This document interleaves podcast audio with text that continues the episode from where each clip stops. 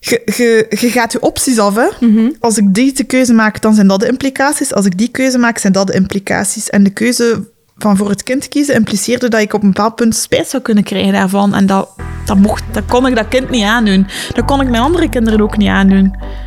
Ik kan spijt krijgen van een keuze, maar ik kan geen spijt krijgen van een kind. Ja. Ik kan er dat kind niet aandoen om spijt te krijgen van een kind. Dat gaat niet. Ik wil graag kaderen dat deze aflevering het verhaal en de benadering van Celine is. Hou in je achterhoofd dat dit een zeer persoonlijk beslissingsproces is dat mogelijk als triggerend ervaren kan worden. Welkom in de podcast, Celine. Merci. Ik begin altijd met de eerste vraag. Buikgevoel, wat roept dat bij jou op? Ehm, ja, dat is nogal letterlijk te nemen bij mij. dat het gewoel, dus wakker liggen van hetgeen dat er zich in je buik afspeelt, denk ik. Ja. En dat is eh, bij mij in alle aspecten in mij naar voren gekomen. Ik, eh, ja, ik heb mijn zwangerschap gehad. Ik, ik moeilijk zwanger geworden van een eerste. Dus dan gewoel gehad. Dan zij de zwanger. Dan hoopte dat dat niet fout loopt. En dan in derde instantie zij de zwanger en wilde het niet. Dus Ja. dat is ook gewoel. Ja. En dan laat je in je buik woelen. Dus het, heeft wel eh, alle betekenissen gehad bij mij. Ja, oké. Je hebt het kort al heel eventjes vernoemd. Misschien gaan we gewoon beginnen bij het begin. Stel jezelf eens eventjes voor. Ehm, oei, dat is een moeilijke. Je zegt wat je wilt zeggen. Ik ben eh Celine, ik ben vier, 34. Ik moet altijd een keer denken. Ja, 34. In mijn hoofd ben ik nog 25 hoor. ik ben getrouwd en ik heb drie kindjes. Een zoon en twee dochters van Oké. acht, zes en drie. Ook altijd denken. En eh, ja, ik, eh, dat is het zo'n beetje. Dat is mijn kerntaak op dit moment. Ik werk ook wel daarnaast, maar ik ben vooral mama en partner. Ja. ik. ja. Oké. Ik heb jou een tijdje geleden gecontacteerd, omdat jij... Ja, ik weet eigenlijk niet meer hoe lang het geleden is.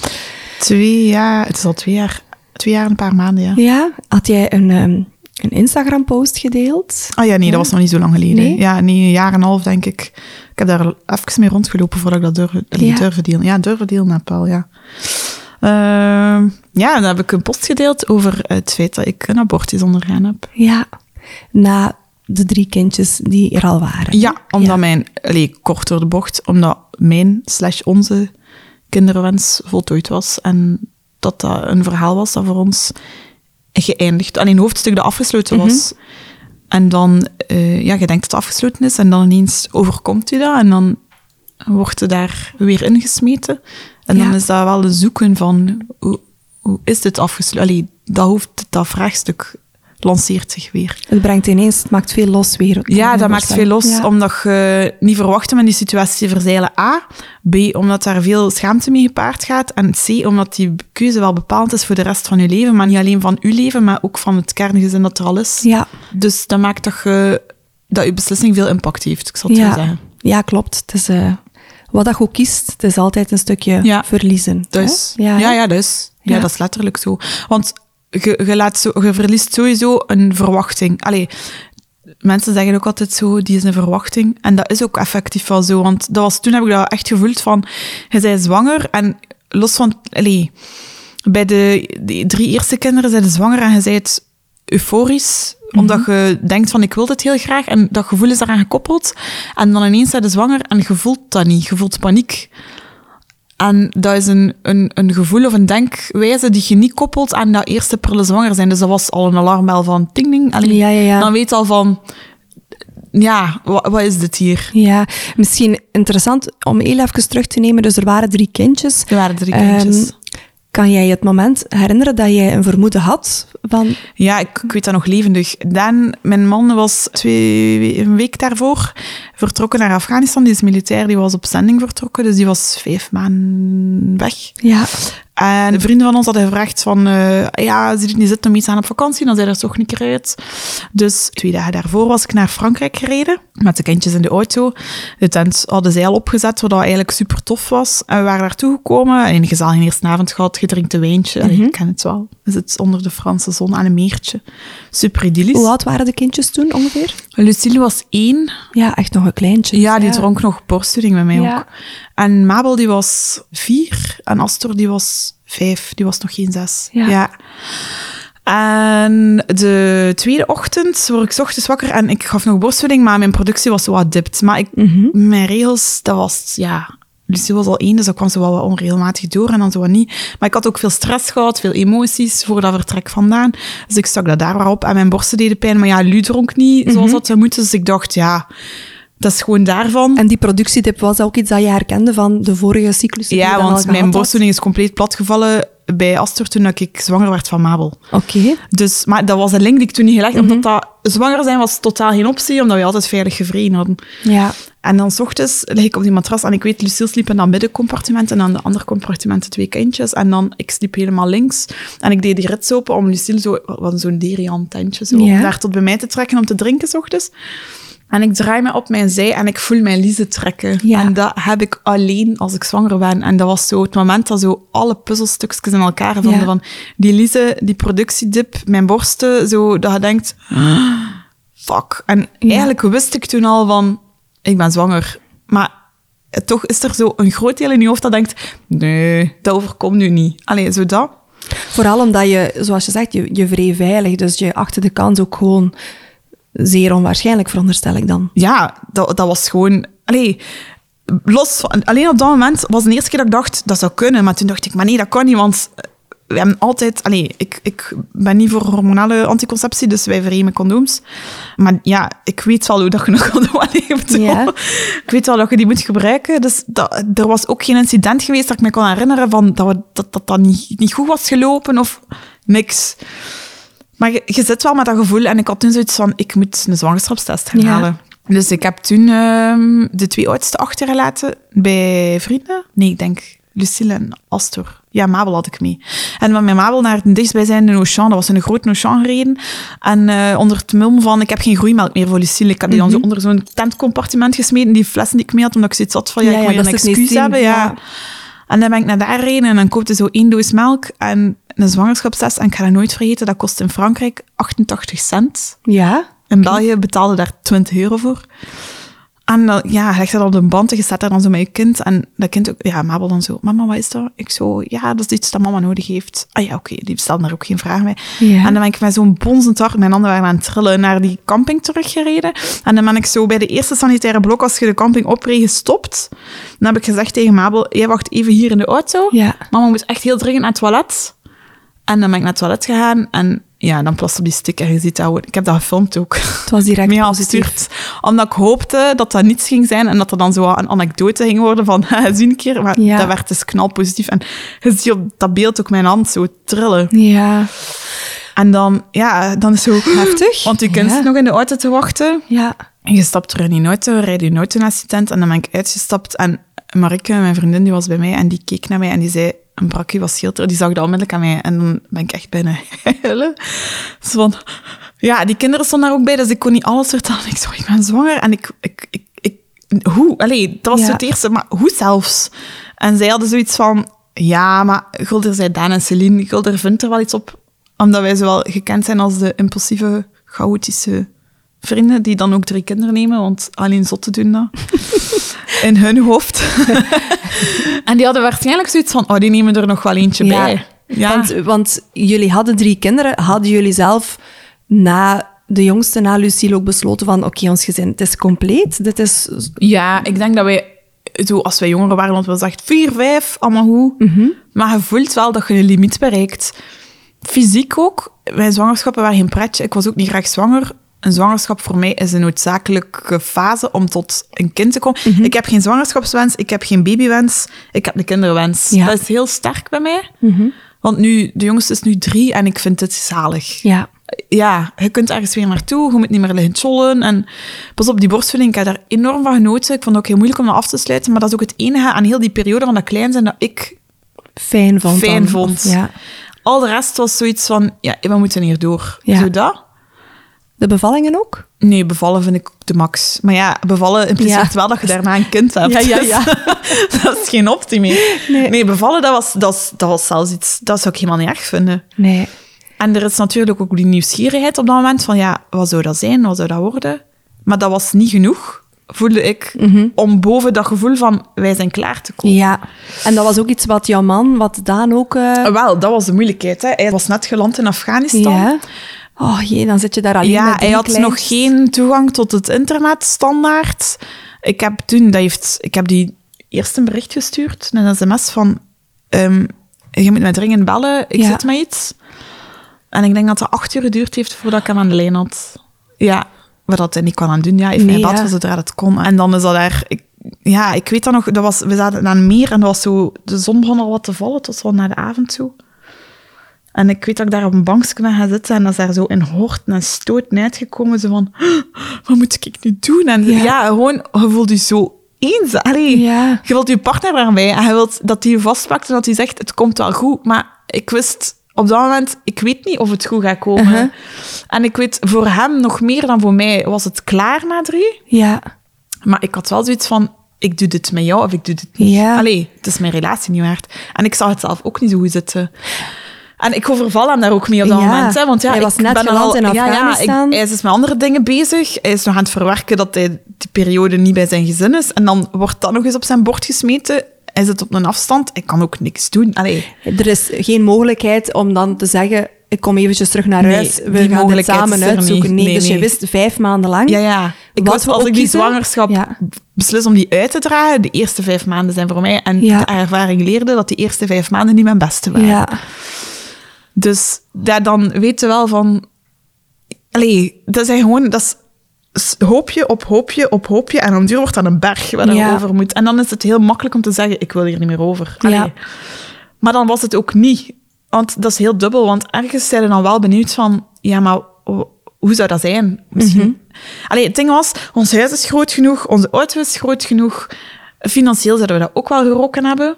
Dus dat maakt dat je denkt, misschien ben ik het moreel verplicht om dat wel te doen. Maar ik denk van, ik was geen leukere moeder geweest Mhm. met een extra kind erbij. En ik was het verplicht aan de kinderen die ik al had, Mhm. om de best mogelijke mama te zijn. En ik voelde aan alles dat, dat, dat, dat ik mijn grens daarin bereikt had. Ja. Allee, dat ik verzadigd was Ja. in mijn moederschap.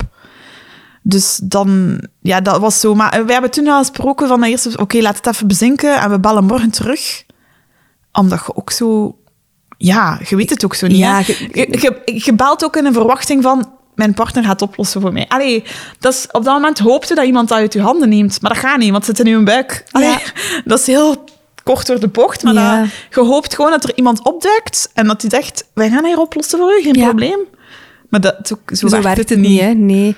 Jij zit dan in Frankrijk op een camping met drie kinderen. Celine. Daan zit eh, net in Afghanistan voor vijf maanden. Ja. Ja, ik kan mij de intensiteit van dat eerste telefoongesprek niet voorstellen. Wat, wat ging er...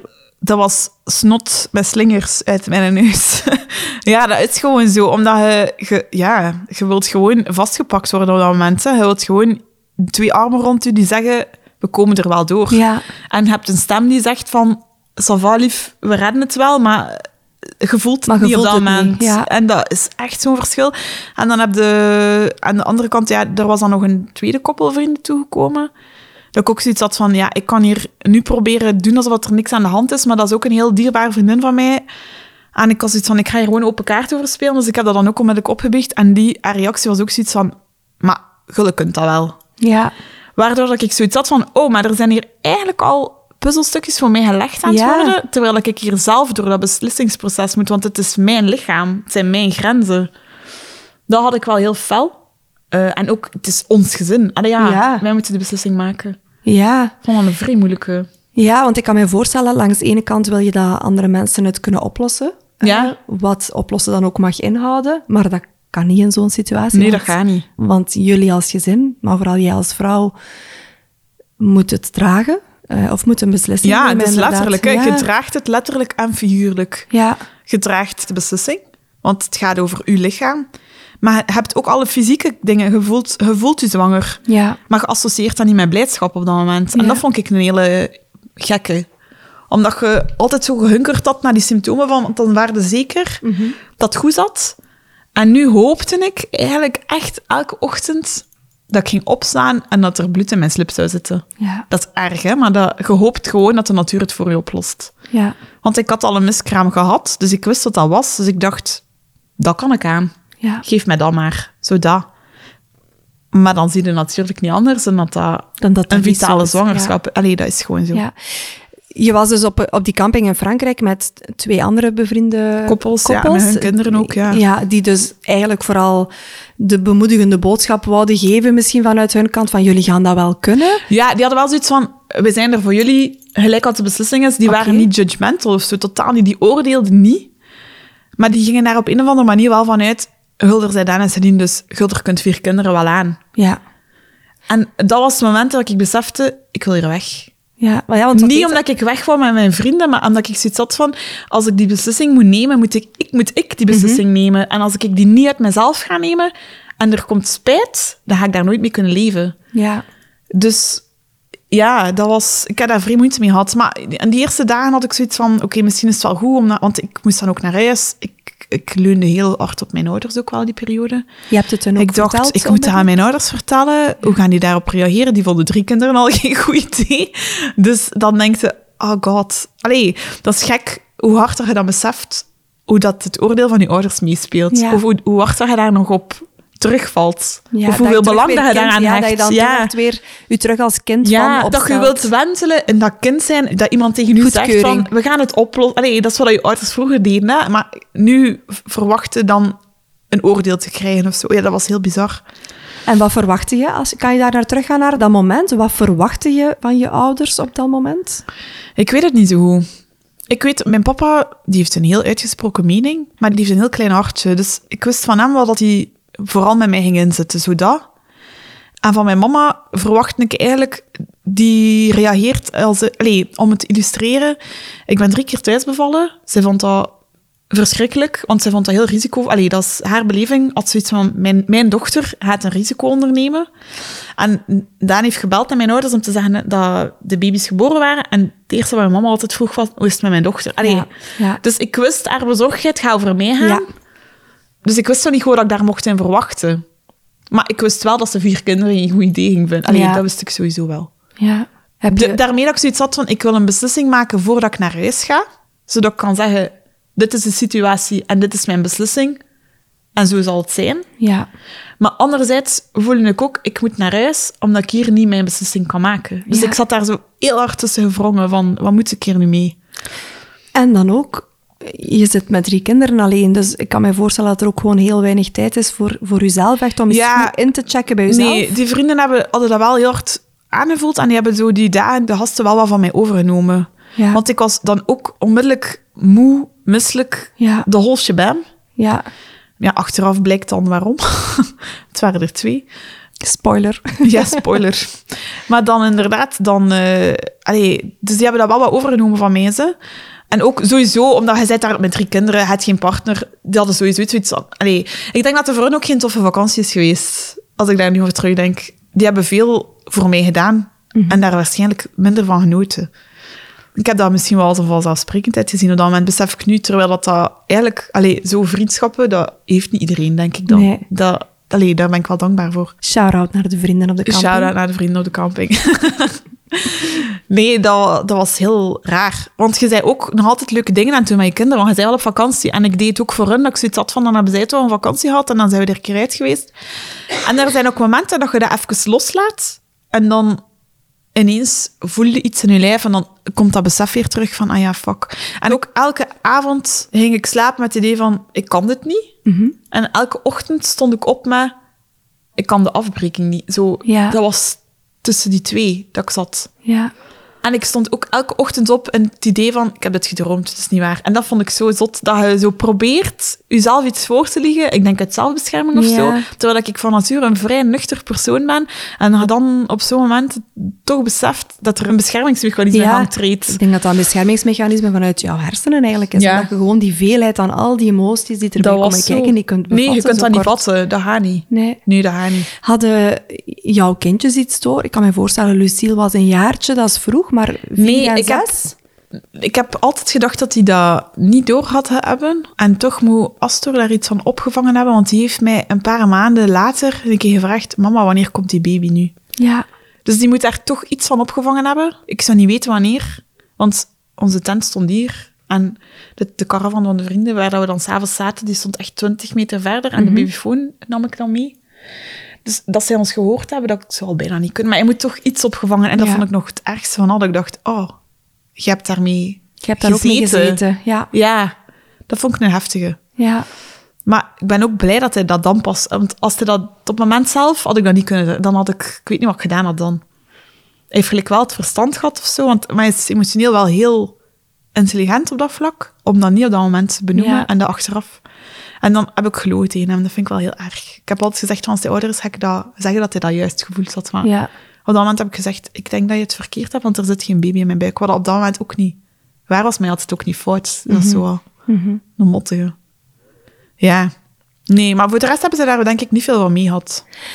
Ik kan me ook voorstellen, ehm, ik wil het niet invullen, hè, maar kon je op dat moment dat je dus beseft van oké, we zijn terug zwanger, dit was niet het plan, eigenlijk wil ik dit niet, speelde het feit dat het wel ook gewoon ja, echt een vol broertje of zusje, of toen twee, maar dat wist je nog niet, van jouw drie huidige kinderen al was, speelde dat ook mee?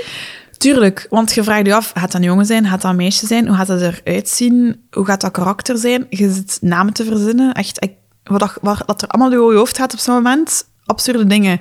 Je bent kamers aan het herorganiseren, je bent plannen aan het leggen, je bent... Ik was aan het denken, ik heb nou van mijn uitzet buiten gedaan, hoe moet ik dat, kan ik dat nog terug... Allee, dat gaat allemaal door je hoofd. Ja. Dat is echt absurd. En je zei je ergens een leven aan het... Want ik heb ook zoiets van... Ik, ik ben heel visueel. In, mijn Denk geest werkt heel visueel. Dus ik had zoiets van... Ik probeerde mij gewoon een leven met vier kinderen voor te stellen. En dan te voelen hoe dat ik mij daarbij voelde. Maar ik dacht, dat was gewoon... Onversneden stress dat daarbij kwam. Allee, Ja. dat was gewoon dat ik dacht van... "Ugh, nog een keer. We zijn er nu bijna. Allee, dat was zo... Dat is erg om te zeggen, maar dat, dat ging gewoon niet in mijn hoofd. Allee, ergens wel, hè, want die nieuwsgierigheid is er. En ik wou gewoon... Je wilt zo nog een keer... Op dat moment, de dingen waar dat je dan aan optrekt, zijn het feit dat dat kind geboren wordt, dat je die bevalling, dat je dat moment van vreugde hebt, dat dat kind daar is. Maar alles wat daarna kwam, dat kon ik mij niet vrolijk voorstellen of zo. Ja. Dat ik zoiets van... En daar nog eens door. En weer van nul beginnen. En ja, gelijk ik zei, je limiet is bereikt. En ook, ik ben regelmatig alleen. En ik voelde met drie kinderen dat daarin mijn limiet ook wel bereikt was. Van, met een partner die er altijd is en die daar ook voor open staat voor een vierde kind, is dat een heel ander verhaal dan met een partner die zoiets heeft van ik weet niet of ik dat wel zie zitten, jij zelf twijfelt al, en dan er ook nog zo vaak alleen voor staan, dan Ja. denk ik, dat kind mag niet, en dat had ik toen zo, dat kind mag nooit voelen dat ik spijt heb gehad van dat kind te krijgen. Ja. Dat moet zo traumatisch, zo tekenend zijn voor iemand. En de verantwoordelijkheid ten opzichte van de kinderen die ik al had, voelde zoveel verpletterender dan de verantwoordelijkheid ten opzichte van die hoop cellen, wat het op dat moment ook nog maar was, die in mijn buik zat, dat ik zoiets had van, ik ben het aan mijn kinderen verplicht om de best mogelijke moeder te zijn. En dit stopt hier. Ja. Dit is Ja. mijn grens, zodat. Dat, eh, dat heb ik wel gevoeld. Ja. En eh, je begint dat dan ook kapot te rationaliseren. Hè? Dat is zo, oké, het zijn cellen. Dus zoals dat er iemand met een tumor zit en die moet verwijderd worden. En dat is absurd, hè? want wat, dat, wat dat je in je hoofd allemaal doet, Om het Ook draaglijk te maken. om het draaglijk te maken, ja. om, het, om het voor jezelf ook te verantwoorden of zo. Want allee, wat ik heel hard had, was... Ik heb... allee, ik ben voedsel van opleiding, dus ik heb vroeggeboortes gezien van babytjes van 12, 13 weken. En je weet hoe dat, dat eruit ziet. En doordat je dat visueel kunt voorstellen, heb ik zoiets van... No way dat ik een curettage doe voorbij acht weken Ja. ook in de volle, want ik had dan uiteindelijk dag drie of zo, had ik beslist van, ik ga mij gewoon al beginnen informeren, want in zo'n proces, time is money. Ja, als je daar niet op tijd aan begint, je zit met die wachttijd. Ik wist ook niet hoe ver dat ik al was, omdat ik zo onregelmatig was qua cyclus. Ik had geen flauw idee waar dat ik zat. ja. Ehm, Je wist wel, als ik ermee zou doorgaan, moet ik aankloppen bij een abortuscentrum. Ah, wel, dat wist ik toen- wist dat allemaal hoopte al. ik eigenlijk Ja. niet. En ik heb toen naar mijn gynaecoloog gebeld, want ik weet dat er, er was iemand die kende die in het ziekenhuis waar ik begeleid ben geweest, destijds wel een curettage voor abortus heeft kunnen ondergaan. Allee, ik heb dan aan de gynaecoloog gebeld van, ja, dit is de situatie. En ik weet dat ik, ik heb ook honderd keer sorry gezegd in een gesprek. En dat was echt het moment dat ik besefte al van, ik zit hier met zoveel schaamte. En ik was zo aan het ijsberen langs dat meer, met Lucille op mijn rug in de draagzak. En dat snot, dat slingerde langs mijn gezicht naar buiten. En er waren mensen die mij kruisten, die echt aan het kijken waren, wat loopt. Ik moet er echt heel verwaaid uitgezien hebben. Mijn kind op mijn rug, dat moet er compleet onverantwoord uitgezien hebben. Maar ja, ik weet dat ik aan het bellen was, maar mijn gynaecoloog was super begripvol en die had zoiets van, ja, ik ga je hier niet mee kunnen helpen. Ik ga je de contactgegevens op mail zetten en je gaat daarna moeten bellen. Maar kom gerust langs bij mij als je de nood hebt om daarover te spreken. Ja, Ehm, mooi. en had ook zoiets van, het is, die heeft dat letterlijk nog genoemd, Celine, het is uw beslissing. Ja, klopt. Laat u niet onder druk zetten. En dat vond ik heel waardevol dat hij dat gezegd heeft. Ja. En dan, dat was dan in een van de gesprekken die Daan en ik dan hadden daarna, dat ik ook zei van, ik zie een curatage niet zitten. Dus de grens ligt voor mij op acht weken, want dan Kan het nog met met pilletjes? medicatie. En ik zei gewoon, dat idee van een, een wakkere of een bewuste toestand dat te moeten meemaken, dat ging voor mij niet. Dat was voor mij echt een brug te ver. En da- daar had ik het heel moeilijk mee. Omdat ik zei van, ik, ik ga het proberen, maar ik kan het niet, niet beloven. Als het moment dat voordoet, dat ik ermee ga doorzetten. Ja. Zo dat.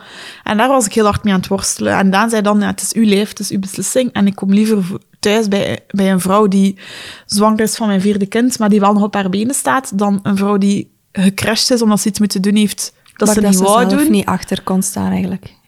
omdat ik het ook niet zag zitten. En dat was wel heel waardevol voor mij, omdat ik toen zoiets had van, oké, de beslissing ligt echt bij mij. Ik had Mhm. de vrijheid om mijn eigen beslissing te maken. En dat was wel een goeie. Ja. Dat Al was ook niet ik- makkelijk, want Nee. de beslissing ligt dan weer bij Ja, je. hè, ik kan me ook voorstellen dat dat ja, dat is. Dat is een vloek en een zegen op, Ja. op hetzelfde moment. Ja. Ja, maar dat bracht het wel heel dicht bij mezelf terug van... Oké, ik mag hier zelf over beslissen waar mijn grens ligt. En hier gaat onze relatie niet van afhangen. Ja, ik wist wel, dit gaat, dit gaat lastig zijn. Allee, gelijk wat er gebeurt, vrolijk worden daar niet van. Nee, maar het was niet dat er een dreigement was van...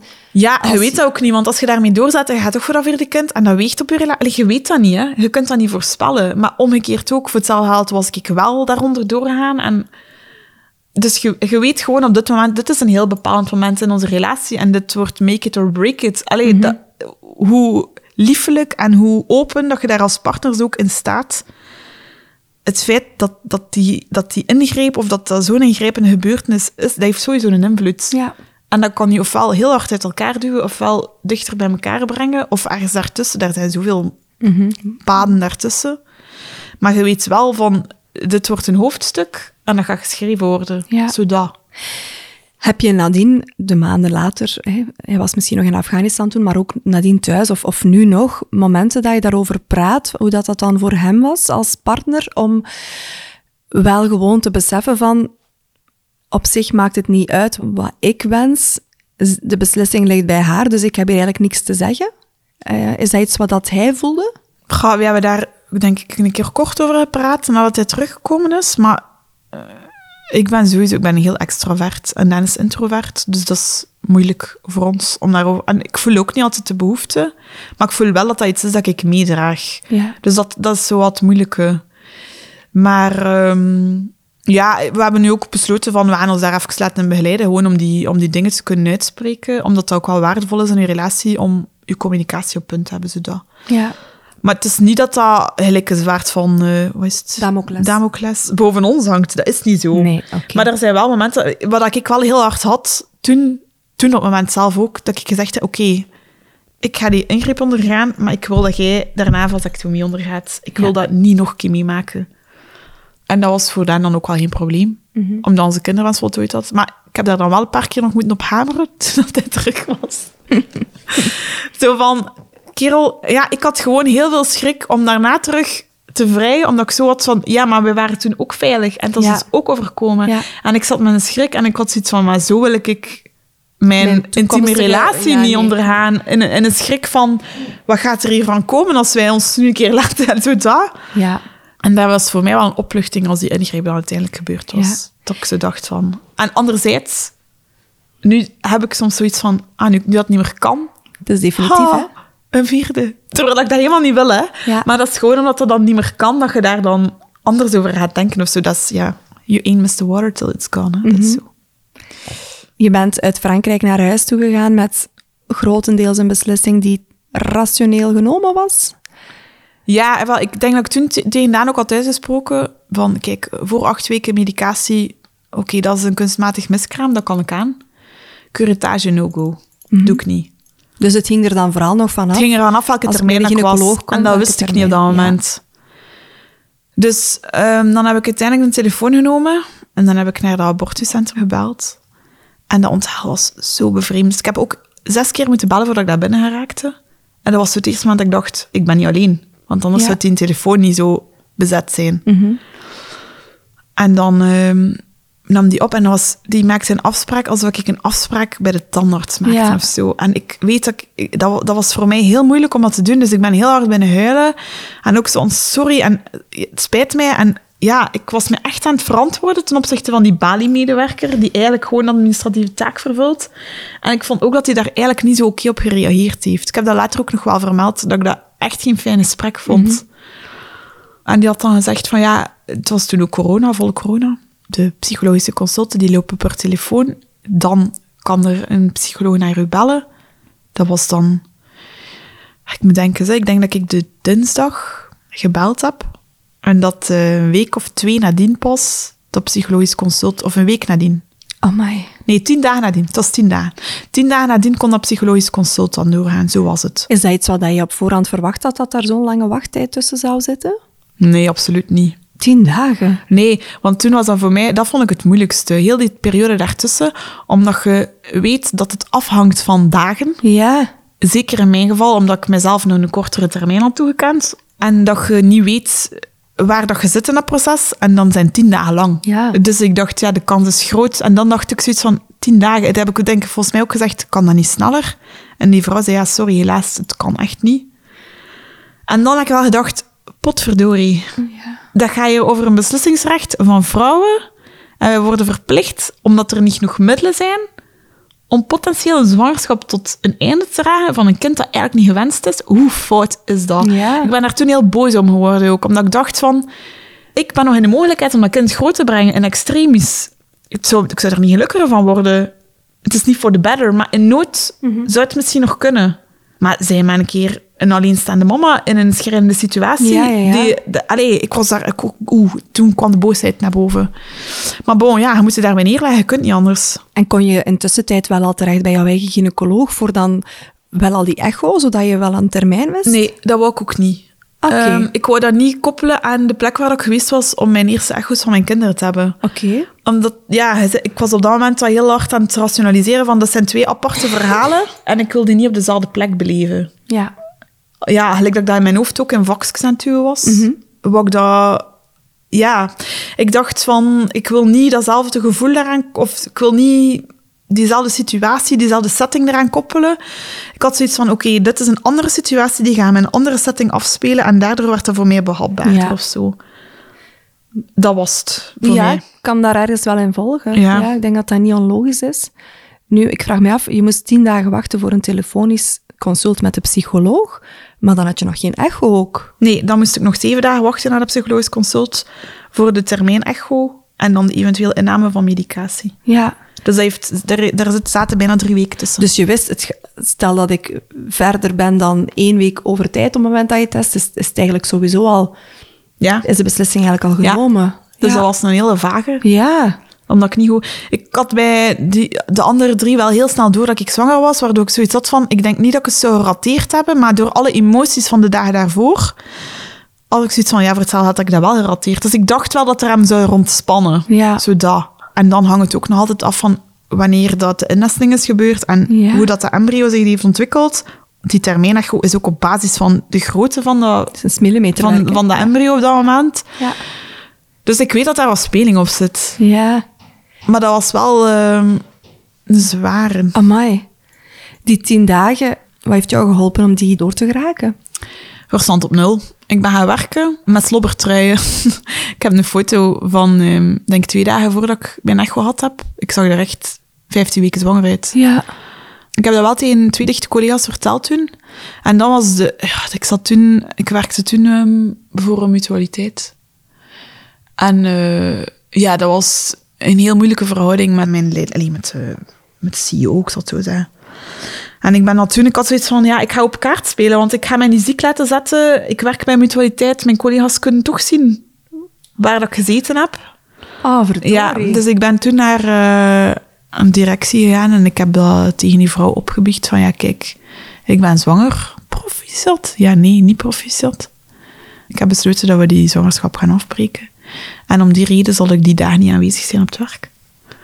Die was daar wel echt oké mee, gelukkig. Want ik had daar wel vrij veel schrik voor. Maar ik heb daar toen onbetaald verlof voor genomen. Ja. Oh.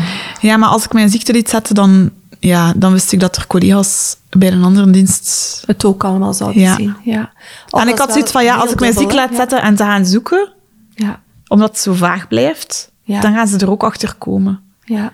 En ach, nu achteraf denk ik, ik had dat helemaal niet moeten zeggen. Maar op dat moment had je zoiets van, je wilt gewoon niet dat er iets anders in dat proces u nog een keer gaat Ja, dwars dat er meer Ik wil gewoon komt. die vrijheid van, ik, ga dit nu, ik moet dit nu ondergaan, ik ga hier nu door. En dit is ook het enige waar ik op dit moment mee moet bezig zijn. Ja. Alle andere bagger moest daarvan rond. Dat was gelijk naar Juin die ik aan het pellen was. Om tot de kern te komen van dat moment gaat gebeuren, die gebeurtenis gaat plaatsvinden. En alles wat daar rond zit, moet daarvan af. Zodat alleen ik en die beslissing is op dat moment. ja. En dat al die andere meningen... Ja, die Eh. moesten daar echt van rond. Ik was die echt aan het afpellen, omdat ik zoiets had van, gooit de bagger nu op mij, dan ben ik ermee klaar dat ik op het moment zelf mijn eigen kernbeslissing Ja. kan nemen. Zodat. Ja.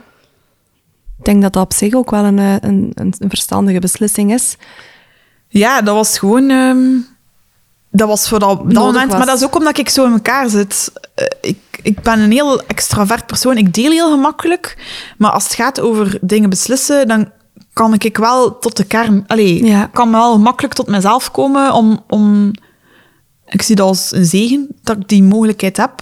En dat ik ook genoeg haar op mijn tanden heb om dat te doen. Ja, ja, want kan mij wel ook voorstellen, omdat je net een extravert persoon bent, dat het voor andere mensen heel makkelijk is om hun opinies ook te delen met jou. Ja, dat is Eh, wat zij zouden doen of al dan niet doen, terwijl je dat denk ik niet maar in kan mijn omgeving heb ik daar dan eigenlijk niet... Allee, ben dan uiteindelijk na die... Want ik ben nu van de hak op de tak aan het springen. Het is oké. ben na die reis ben ik dan uiteindelijk één of twee dagen vroeger vertrokken. Omdat ik voelde van, ik wil naar huis. Mhm. En ik voelde toen ook heel hard de drang van, ik wil dit gaan delen met mijn ouders. Ik moet nu ergens zijn waar dat ik mij veilig voel of zo. De, de next best thing na Daan was dan mijn ouders. Mhm. En mijn zus vooral. Ik had toen wel al een aantal vriendinnen gebeld. Dat ik zoiets had van, ik moet mij omringen met mensen waarvan ik weet ze niet gaan judgen. En die wel, zelfs vriendinnen ik al een tijdje niet meer gehoord had, maar waarvan ik wist, bij haar kan ik mijn verhaal kwijt en die gaan niet oordelen. Ja. En dat was zo'n opluchting. Ik heb toen echt, kijk, nu ik bijna naar je huilen, gebeld aan vriendinnen die zo, waarvan onze vriendschap zo op pauze stond of zo. Maar dat je wel op dat moment beseft, die mensen gaan er voor mij zijn. Allee, Ja. dat is, je komt heel hard tot de essentie terug op zo'n moment. Dat wil- deed wel heel veel deugd. En toen heb ik ook gebeld naar ehm, mijn voetvrouw, die ondertussen ook mijn vriendin geworden is. Nele, die heeft mijn drie bevallingen gedaan. De derde, Lucille, was zij, werkte zij al niet meer bij de voetvrouwpraktijk waar ik begeleid was. Zij woonde toen in eh, Nieuw-Zeeland. En ik heb haar toen in het begin van mijn zwangerschap gebeld. Nele, ik beval niet zonder u. En die is gekomen. En die is gekomen. Die, heeft, allee, die, die moest die periode in België zijn, heeft dat geregeld dat Ja. ze er was voor mijn bevalling. En ik ben hier daar zo intens dankbaar voor. En ik had zoiets van, dat was terug naar de essentie, ik heb Nele nodig. Ja. Ja, En zat zij toen ook nog in Nieuw-Zeeland? nee, zij was toen terug in België. Ze was toen zelf ook zwanger. En zij heeft daar vanuit haar eigen overtuiging een heel ander beeld of een heel andere mening dan ik. Maar die heeft die compleet aan de kant geschoven om Ja. daar voor mij te zijn. Ik ben die zo ontzettend intens dankbaar. Dat was echt Ja. zot. Want ja, Daan was er niet, maar zij is die dag... Oh, kijk, sorry. Geen zij is die dag ehm, bij mij gekomen, eh, omdat ik niet alleen mocht zijn. En ik wou niet dat mijn mama dat wou doen, want mijn mama was daar emotioneel ook wel wat van aangedaan. En ik had zoiets van, ik heb geen emoties van iemand anders nodig dat Ja. moment. Ik heb mijn eigen te dragen, dat is genoeg. Je bedoelt de dag van de De dag hè? van, de, van, van de- dat ik de medicatie moest innemen dan uiteindelijk. Ja. En zij is bij mij in bed gekropen. En ze heeft mijn bed helemaal ingepakt met onderleggers en zo. Maar Ja. dat is dat er veel bloedverlies aan het pas ging komen. En we hebben een hele dag Netflix gekeken. Ja. En dat was het. En we hebben Deliveroo laten leveren. En Ja. Die is bij mij geweest, zonder te oordelen, zonder iets te zeggen. Die heeft mij vastgepakt. Die heeft mij begeleid. Gelijk dat hij bij mijn bevalling gedaan heeft. Waardoor dat voor mij heel... Dat voelde niet als iets zwaar. Dat was gewoon van, dit is iets waar dat ik doorga. En dat hoort bij, bij mijn leven. En die persoon die die andere processen heeft meegemaakt, die is daar nu ook voor mij. En dat heeft voor mij heel veel zwaarte van die situatie Ja. gehaald. Omdat ik dat met haar heb kunnen delen. Ik kan me wel voorstellen dat dat enigszins heling ook is op, dat is... moment. Ja. Ja. Omdat je, je gaat door bepaalde processen die heel gelijkaardig zijn aan een bevalling. Je hebt weeën, je hebt... Maar er is die persoon die, waarmee dat ik dat altijd geassocieerd heb, en die gaat daar ook op een niet beladen manier mee om. Dat was, terwijl hij daar zelf met zo'n buik zat, met een kind dat wel gewenst was. Dus we zaten daar in twee compleet andere situaties. Maar dat was zo intens waardevol voor mij, dat is niet normaal. Dat, dat is van het schoonste dat ik ooit meegemaakt heb. Gewoon dat Ja. hij dat gedaan heeft voor mij, dat is echt zot. Dat was vroedvrouw, jongens. Goed. Ja, goud, hè? Goed. Echt. Ehm, we gaan nog even een paar stapjes terug, want wel. je hebt Ja, inderdaad dus- niet rond. je hebt inderdaad dus uiteindelijk toch gekozen voor de abortus. Je hebt het gesprek gehad met die psycholoog na tien dagen. Ja, ik ben dus eerst naar huis gereden. Ja. Dan ben ik naar mijn ouders gereden. Heb ik dat Ja. daar verteld, als de kinderen in bed zaten. Ik ben echt... Dat was zes uur rijden. Op zes uur en een kwartier stond ik thuis. We zijn een kwartier gestopt. Ik heb die drie keer in de auto gezet en ik had gewoon zoiets van... Gaan. Gaan. Ik moet naar huis. Ik wil hier nu weg uit deze absurde situatie. En dan ben ik naar het Lange Leden gereden, waar mijn ouders wonen. En dan heb ik daar ehm, de kinderen in bed gestoken. En dan ben ik in de zetel gaan zitten en heb ik gezegd... Jongens, ik moet iets met jullie delen. Eh, en dan heb ik dat gezegd. En dan is mijn mama... Die reageerde eerst alsof ik verteld had dat ik kanker had of zo. Die was echt zo... Zo heel hard dat. Wat ik van haar ook wel verwacht had. En mijn papa die zei niks, maar zijn ogen waren water, met vult met water. Dat is ook een reactie die ik van mijn vader verwacht. Dus de reacties waren wel zo. Maar de, van mama was gezegd, ja, ik altijd, ga mij nooit vergeten. Die zei van, ik ben blij dat jij die beslissing moet maken en ik niet. En toen dacht ik, ik weet van waar dat, dat kwam. Zij bedoelde dat echt goed. Maar ik dacht, wat een crappy opmerking is dat. Nee, ik vind het ook niet leuk. Ik had er ook liever niet in die situatie. Maar hij verwacht wel dat dat van... eh, Je snapt wel dat dat vanuit een bepaalde onmacht komt. En ik neem haar dat ook niet kwalijk of zo. Maar ik dacht op toen moment zo... Dat, dat besefte dat mensen reacties geven vanuit zichzelf... Waar dat je dan als ontvanger denkt... Wat moet ik hier Ja, mee? wat heb ik hier aan op dit ja, moment? maar ze bedoelde dat ook niet slecht. Dat Ja. was ook uit haar onmacht. En dat, dat was voor haar ook zo van... Ja, ik wil, die, ik wil die, mijn kind helemaal niet in de situatie zien. Maar ik, ik zou de situatie... Ik weet niet hoe dat... Hoe dat dat was dat. situatie Ik weet niet hoe dat ik zou reageren. Ik weet niet hoe dat ik het zou moeten dragen. Dus ik, er- ik, hey, ik voelde haar wel, maar dat was echt zo dat ik dacht... Ja, en ik vind het wel echt leuk. zo dat. Maar ja, dat was dan zo, hè. Eh, maar Ja. ja, dat was ook zo die reactie. Want ik heb ook een keer gezegd van, ja, ik ben zwanger. En dat was echt zo... Dus dat was wel de reactie dat ik dacht van, jij ziet het niet meer zitten voor mij. Allee, dat voelde ik wel heel hard. En toen dacht ik, oh, is dit nu van invloed op mijn beslissing? Of is mijn beslissing al ver genoeg gemaakt om daarvan los te komen? En toen voelde ik wel dat dat het tweede was. Oké. Wat dat niet wegneemt dat ik in die periode daartussen wel nog heel hard getwijfeld heb. Want op een bepaald moment heb ik ook gezegd, ik ga naar huis. Ik moet echt thuis zijn. En ik heb denk ik tot de allerlaatste dag wel de twee scenario's nog afgewogen in mijn hoofd. Gewoon om zeker te zijn dat ik geen spijt zou krijgen van, Ja. van de keuze. Zodat. Dat was de moeilijke. Ja, en dan, en dan kan je de vraag stellen, kan je daar zeker van zijn dat je geen spijt gaat krijgen van Nee, maar mijn, ook? mijn, mijn gevoel was dan wel heel hard van... Ik kan spijt krijgen van een keuze, maar ik kan geen spijt krijgen van een kind. Ja. dat was voor mij... Ik, ik kan, geen, ik kan me dat kind niet aandoen om Ja. spijt te krijgen van een kind. Ja. Dat gaat niet. En ik kan spijt krijgen van een keuze. En cru gezegd, ik kan altijd een andere vierde kind maken. Allee, dat, is Ja. niet, dat was mijn wens ook niet op dat moment. Maar dat was wel... Je, gaat je opties af, hè. Als ik deze keuze maak, dan zijn dat de implicaties. Als ik die keuze maak, zijn dat de implicaties. En de keuze van voor het kind kiezen impliceerde dat ik op een bepaald punt spijt zou kunnen krijgen daarvan. En dat, dat mocht... Dat- Dat, kon dat ik dat kon je kind niet aandoen. Dat kon ik mijn andere kinderen ook niet aandoen. Dus dat, dat, dat was geen optie. Ja. En daar kwam ik elke keer op terug van... Spijt krijgen van een kind is geen optie. Ja. Punt. Ja. Ik ben dolgelukkig met de kinderen die ik heb. En ik voelde wel echt heel hard dat ik toen al spijt had van de situatie waarin ik verzeild was. Dat ik dacht, als het lastig wordt, ga ik terugkomen tot dat punt van... Ik heb dit niet gewild. En dat wou ik niet. Dat wou ik vermijden, ten allen tijde Ja. ja, ik heb mensen rondom mij gehad die, die eh, accidentjes zijn geweest, om het zo, en die dat benoemd hebben, dat, dat, dat er ook uitgesproken is geweest. En ik, dat, heeft, dat, dat tekent mensen. En ik dacht, dat wil ik niet. Nee. Zo, zo'n ouder wil ik niet zijn. wij, wij kunnen beter zijn dan dat.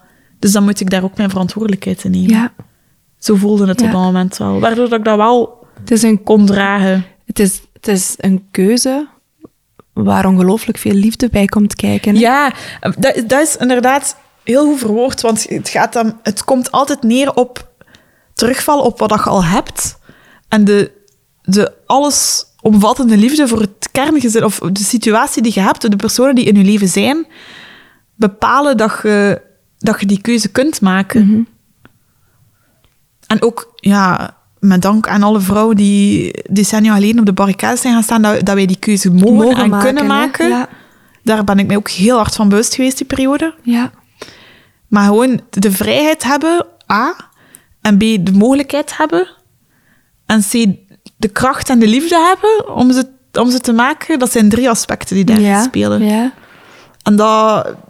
hey, in, de, in de slot speelde dat laatste rol. Ja. ja, om je beslissing te Om kunnen een beslissing maken. te kunnen Ja. nemen. Maar ja, dan zat ik wel nog altijd in een situatie waar ga ik voor staan. Mhm. Ga ik voor die curatage staan? En heb ik zoiets van, ga ik, onderga ik het toch? Of ga ik tot het punt dat ik dus nooit op dat moment zeg, stop het, ik doe het niet? Mhm. Dan, dan heeft die psycholoog mij gebeld uiteindelijk, want ik, ik was toen ook met mijn, hele, met mijn voetvrouw gaan lunchen. En die is bij mij geweest tijdens dat gesprek. En ik ben, ik ben toen wel gaan wandelen even. Maar die psycholoog, die, ehm, ik had mijn situatie uitgelegd. En die zei, ik wil eigenlijk om je aan twijfelen te brengen. Omdat ik zeker wil zijn dat, de, of dat genoeg nagedacht hebt. Maar die zei, ik heb mijn verhaal kort gezegd. En ik had toen ook gezegd van, kijk, ik kan spijt krijgen van de beslissing, maar ik kan geen spijt krijgen van een kind. En die zei toen ook, ik heb genoeg gehoord. Mhm. uw, uw beslissing is genoeg onderbouwd. Je weet bewust genoeg waarmee dat je aan bezig bent Ja. en wat er boven je hoofd hangt. Ik ga, ik ga je niet meer, meer aan twijfelen brengen dan dat, Ja. omdat ik voel dat je tot de kern bent gekomen. Eh, Was dat een opluchting toen? ja, ik voelde me heel hard gehoord of zo. En Ja. dat was ook dat was een heel waardevol gesprek, want dat was niet oordelend. Dat was heel open. Ehm, die heeft me toen ook een paar tools aangereikt van... Weet je, schrijf een brief naar, u, naar het kind in uw buik en bewaart dat eens nooit ergens voor moesten daar later nooit aan hebben. Mhm. Zo die dingen. En ik had dan ook gezegd van... Ik heb toen tegen haar benoemd van... Als die echt wordt genomen, ik wil dat niet zien. Maar ik wil dat misschien wel mee in een envelop voor later, moest Ja. ik daar ooit spijt van Dat hebben. de optie er is. Ja, voilà, dat. En ze hebben dat toen allemaal, ook allemaal genoteerd voor mij. Maar dat was echt zo'n louterend gesprek. Ja. Dat was echt heel waardevol. Want ik dacht, na dat onthaal dat ik had op Ja, het centrum, ja. dacht ik, wow, je bent echt de juiste persoon op de juiste plek. En dat is zo waardevol. Ja. Dat dat oordeel eraf kan. Mhm. Dat je gewoon heel vrij kunt babbelen met iemand over wat dat je afwegingen zijn op dat moment. Dat je daar niet moet over verontschuldigen. Dat je gewoon heel open kunt praten over wat dat er allemaal in je omgaat. Dat je Dat respect krijgt hè, voor alle, Ja. alle denkpistes en twijfels en bezorgdheden. Dat was ontzettend waardevol, ja. En toen voelde ik mij wel gesterkt in het idee... Allee, gesterkt is een groot woord, maar voelde ik mij wel vrij in het idee van... Dit is mijn keuze en ik kan ze nu gaan maken. Of Ja. ik, kan, ik kan het proces ondergaan en Ik mag. ik mag. Ja, Ja. zodat. En dan kwam je bij de gynaecoloog, of bij de arts in het abortuscentrum de eerste Ja, keer. eerst bij een verpleegkundige was dat. Ik weet, ach, ik kwam daar zo toe. Maar dat was mega maf. Ik reed met de bakfiets en Lucille die zat toen nog in de maxicosi in de bakfiets, maar dat begon te regenen, dus ik moest mijn maxicosi uit de bakfiets halen. En dat was een lege maxicosi. Maar je zit in een abortuscentrum met een lege maxicosi. Mhm. En ja, je ziet iedereen zo vol medelijden, want dat staat daar vol, hè. En ik was de jongste toen. Ik was 32 toen. Ik was de jongste daar. Daar zaten heel veel oudere koppels, dat ik echt dacht van, wow, dat is zo niet... Bij, op een of andere manier, bij abortus denkt aan tienermeisjes en aan hele jonge vrouwen en aan heel eh schrijnende situaties, maar dat was helemaal niet zo. Nee. En, dat, ja, en er is ook een soort van, hoe moet ik zeggen, wederzijds understanding of zo. Iedereen, ja, iedereen knikt daar zo wel een keer vriendelijk op. Zo, Ja. Maar zo'n betekenisvolle knik waarvan je weet, ik weet waarvoor dat je zit, ik zit hier ook, we zitten Ja. hetzelfde, zo dat. Ik vond dat een heel maffe beleving eigenlijk. Ik vraag me dat altijd af. Wordt er, wordt er gepraat in zo'n wachtzaal? Nee. Nee, iedereen zit Nee, omdat op zichzelf. je hoort, dat, vond ik, dat vond ik wel echt het, het lastigste. Je zit in een wachtzaal en daarachter is een gang. En daar zijn verschillende behandelingskamers waar ook die curitages gebeuren. Maar ik hoorde dat zuigende geluid ja, van, van, de, die, ja, van de vacuüm. van de vacuüm. En dat was echt... Daar werd ik mottig van. Ik werd daar echt misselijk van. Dat ik denk van... Oh god. En toen voelde ik heel hard, dit niet. Dat is mijn grens. Dat doe ik gewoon niet. Dus dan, ik weet dat ik daar zo zat. Zo van, het is te hopen dat ik voor die acht weken ben. Ja. Het is te hopen dat ik voor die acht weken ben. En dan moest ik naar een verpleegkundige, die dan eerst ehm, nog een keer alles overlopen heeft met mij. En dat vond ik wel echt een heel heftig moment. En daar ben ik ook heel kwaad voor geweest. Die vroeg naar mijn partner. Ik zei, ja, mijn partner is er niet. Die, eh, die zit in het buitenland. Die is vijf maanden weg. Ik ben zwanger geworden vlak voordat hij vertrokken is. En die wou toen heel hard praten met mij over anticonceptie. Over nadien het vermijden van. En ik zo, ja, maar dit is op dit moment in mijn denkproces niet aan de orde, want mijn partner is er niet. Ja, maar mevrouw, u bent zwanger geworden, dus het is wel van belang dat u praat over anticonceptie. En na een tijdje begon ik door te hebben dat hij mij niet geloofde. Ja. Dat hij insinueerde op een derde persoon in het verhaal. Ja. Dat hij de minnaar zat te insinueren. En dan ben ik echt kwaad geworden. Dan heb ik echt gezegd, ik weet niet waar dat uw insinuatie naartoe gaat. Ik heb met mijn partner gepraat. Als hij terugkomt, gaat er een vasectomie plaatsvinden. En daar stopt het verhaal. Mhm. Ik heb met u niks meer te bespreken dan dit. Zo kwaad dat ik was. Omdat ik dacht, ik ben zo kwetsbaar op dit moment. Ja. En het lef hebben om dat... Ja, En ze sprak het niet uit. te veronderstellen. Maar de veronderstelling ging zo in haar woorden. Oh, daar was ik boos voor. En hoe, hoe, hoe ontving ze dat? Ik denk, ik weet niet wat zij door had. Ik, ik had gewoon zoiets van, stop erover. Ja. Mhm. Zwijg Rodo. Ik wil hier nu niet over praten. Dit is niet aan de orde voor mij. Ik ben ook niet achterlijk. Ik weet niet wanneer dat gebeurd is. En ja, ik voelde gewoon aan alles dat hij mijn verhaal niet... Die, die, ja, die had ook zoiets van, u bent hier alleen. Ik zeg, ja, ik ben niet bewust alleen, omdat ik mij tot het laatste moment niet door iemand anders wil laten beïnvloeden. Ik, wil die allee, ik wil die keuze maken, ik wil die, ik wil die ingreep ondergaan, maar ik wil wel 100% zeker zijn dat het mijn beslissing Ja. was. En niet uit emotie van iemand anders die ik probeer te beschermen, zodat... En dat vond hij ook al heel bizar dat ik daar alleen was. Dan heb ik ook zo telefoonnummers moeten opgeven. Ik zo, ja, dat was, dat was bij begonnen. Dat ik de telefoonnummer van mijn partner niet opgaf. Ik zeg, je, dat heeft geen zin. Die kan niet komen als ik begin Ja. te bloeden. Hè? Die zit in Afghanistan.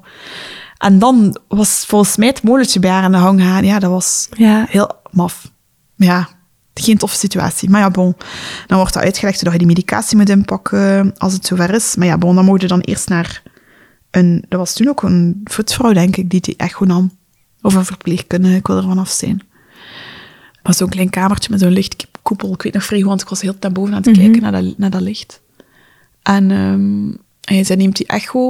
En op dat moment zei ik, zei zo, ja, er is effectief een zwangerschap. En het is een vitaal vruchtje.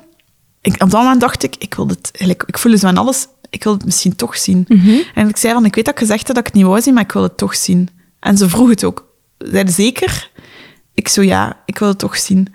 Dus die draait dat scherm en ik zie twee vruchtzakken. Ja. Dus ja, ik herken het beeld. Hè. Ik denk, een leek had het niet gezien. En ik heb toen gezegd, is dat wat ik denk dat het is? En die knikte, ja. Het is ook niet uitgesproken geweest, maar ik zag het gewoon. Ja. En ik zei, oké, dan is mijn beslissing hier en nu gemaakt. Punt. Vijf kinderen gaan we niet doen. Ja. Dat gaan we echt niet doen. Een tweelingzwangerschap, terwijl je partner er vijf maanden niet is, al drie kinderen in huis. Dacht het niet. Is het idee van de mogelijkheid dat het er al eens twee zouden kunnen zijn ooit bij jou Nee. naar boven gekomen? Ja, misschien op het moment dat ik die foto gemaakt heb, ik weet dan ook, ik was met mijn ouders in het toilet en ik kreeg mijn broek gewoon niet meer dicht. En ik dacht, bij Lucille was het zelfs niet zo. En oké, meerling, allee, hoe meer kinderen dat al gekregen had, hoe sneller, maar dat was echt extreem. Ik had echt al, ik moest echt slobbertrein aan in Ja. mijn buik. En ik was toen op dat moment zeven weken en zes dagen. Ja. Ik was net geen acht weken. Dus, allee ja, Amai. dat is absurd, hè? Mhm. Dus ik voelde, allee, het is misschien door mijn hoofd geflitst, maar je denkt gewoon dat dit mij al overkomt. No way dat dat er dan twee zijn. ja, ja, maar dat was dat dus- ook nog eens kan. Ja, ja dus maar dat toch. was dus wel zo. Waren Ja. er wel twee. En toen was het klaar. En ik heb dat toen in eerste instantie bijna tegen niemand gezegd dat er twee waren. Omdat ik zoiets had van, dat voelde zo nog meer alsof dat ik voor God speelde of zo. Ja. En toen was mijn zorg vooral, wat als een van die twee achterblijft? Ja. Want dat, ja, je begint dan wel wat dingen te lezen natuurlijk, online, omdat ik mij zo mentaal probeerde voor te bereiden op wat dat gaat zijn. En dan had ik wel gelezen dat er bij meerlingen wel vaak een vruchtje... Allee, vaak dat dat gebeurt en dat er dan alsnog een curettage moet plaatsvinden. En dan dacht ik, oh god, als ik dit in gang zet en ik moet daar...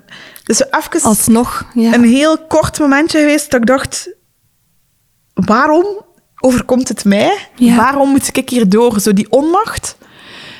Maar dan gaan we dus terug naar die eerste verpleegkundige en die legt u die medicatie uit en die zegt, als je dit nu inneemt, dan wordt je zwangerschaphormoon platgelegd en dan, wordt de groei van de, nee, dan wordt de groei van het embryo tegengegaan. Dat was grappig, want dan spraken ze weer een enkelvoud, dus ik weet niet wat hij zelfs wist dat dat er twee waren. Of wat dat onderling gecommuniceerd was op dat moment, weet ik niet.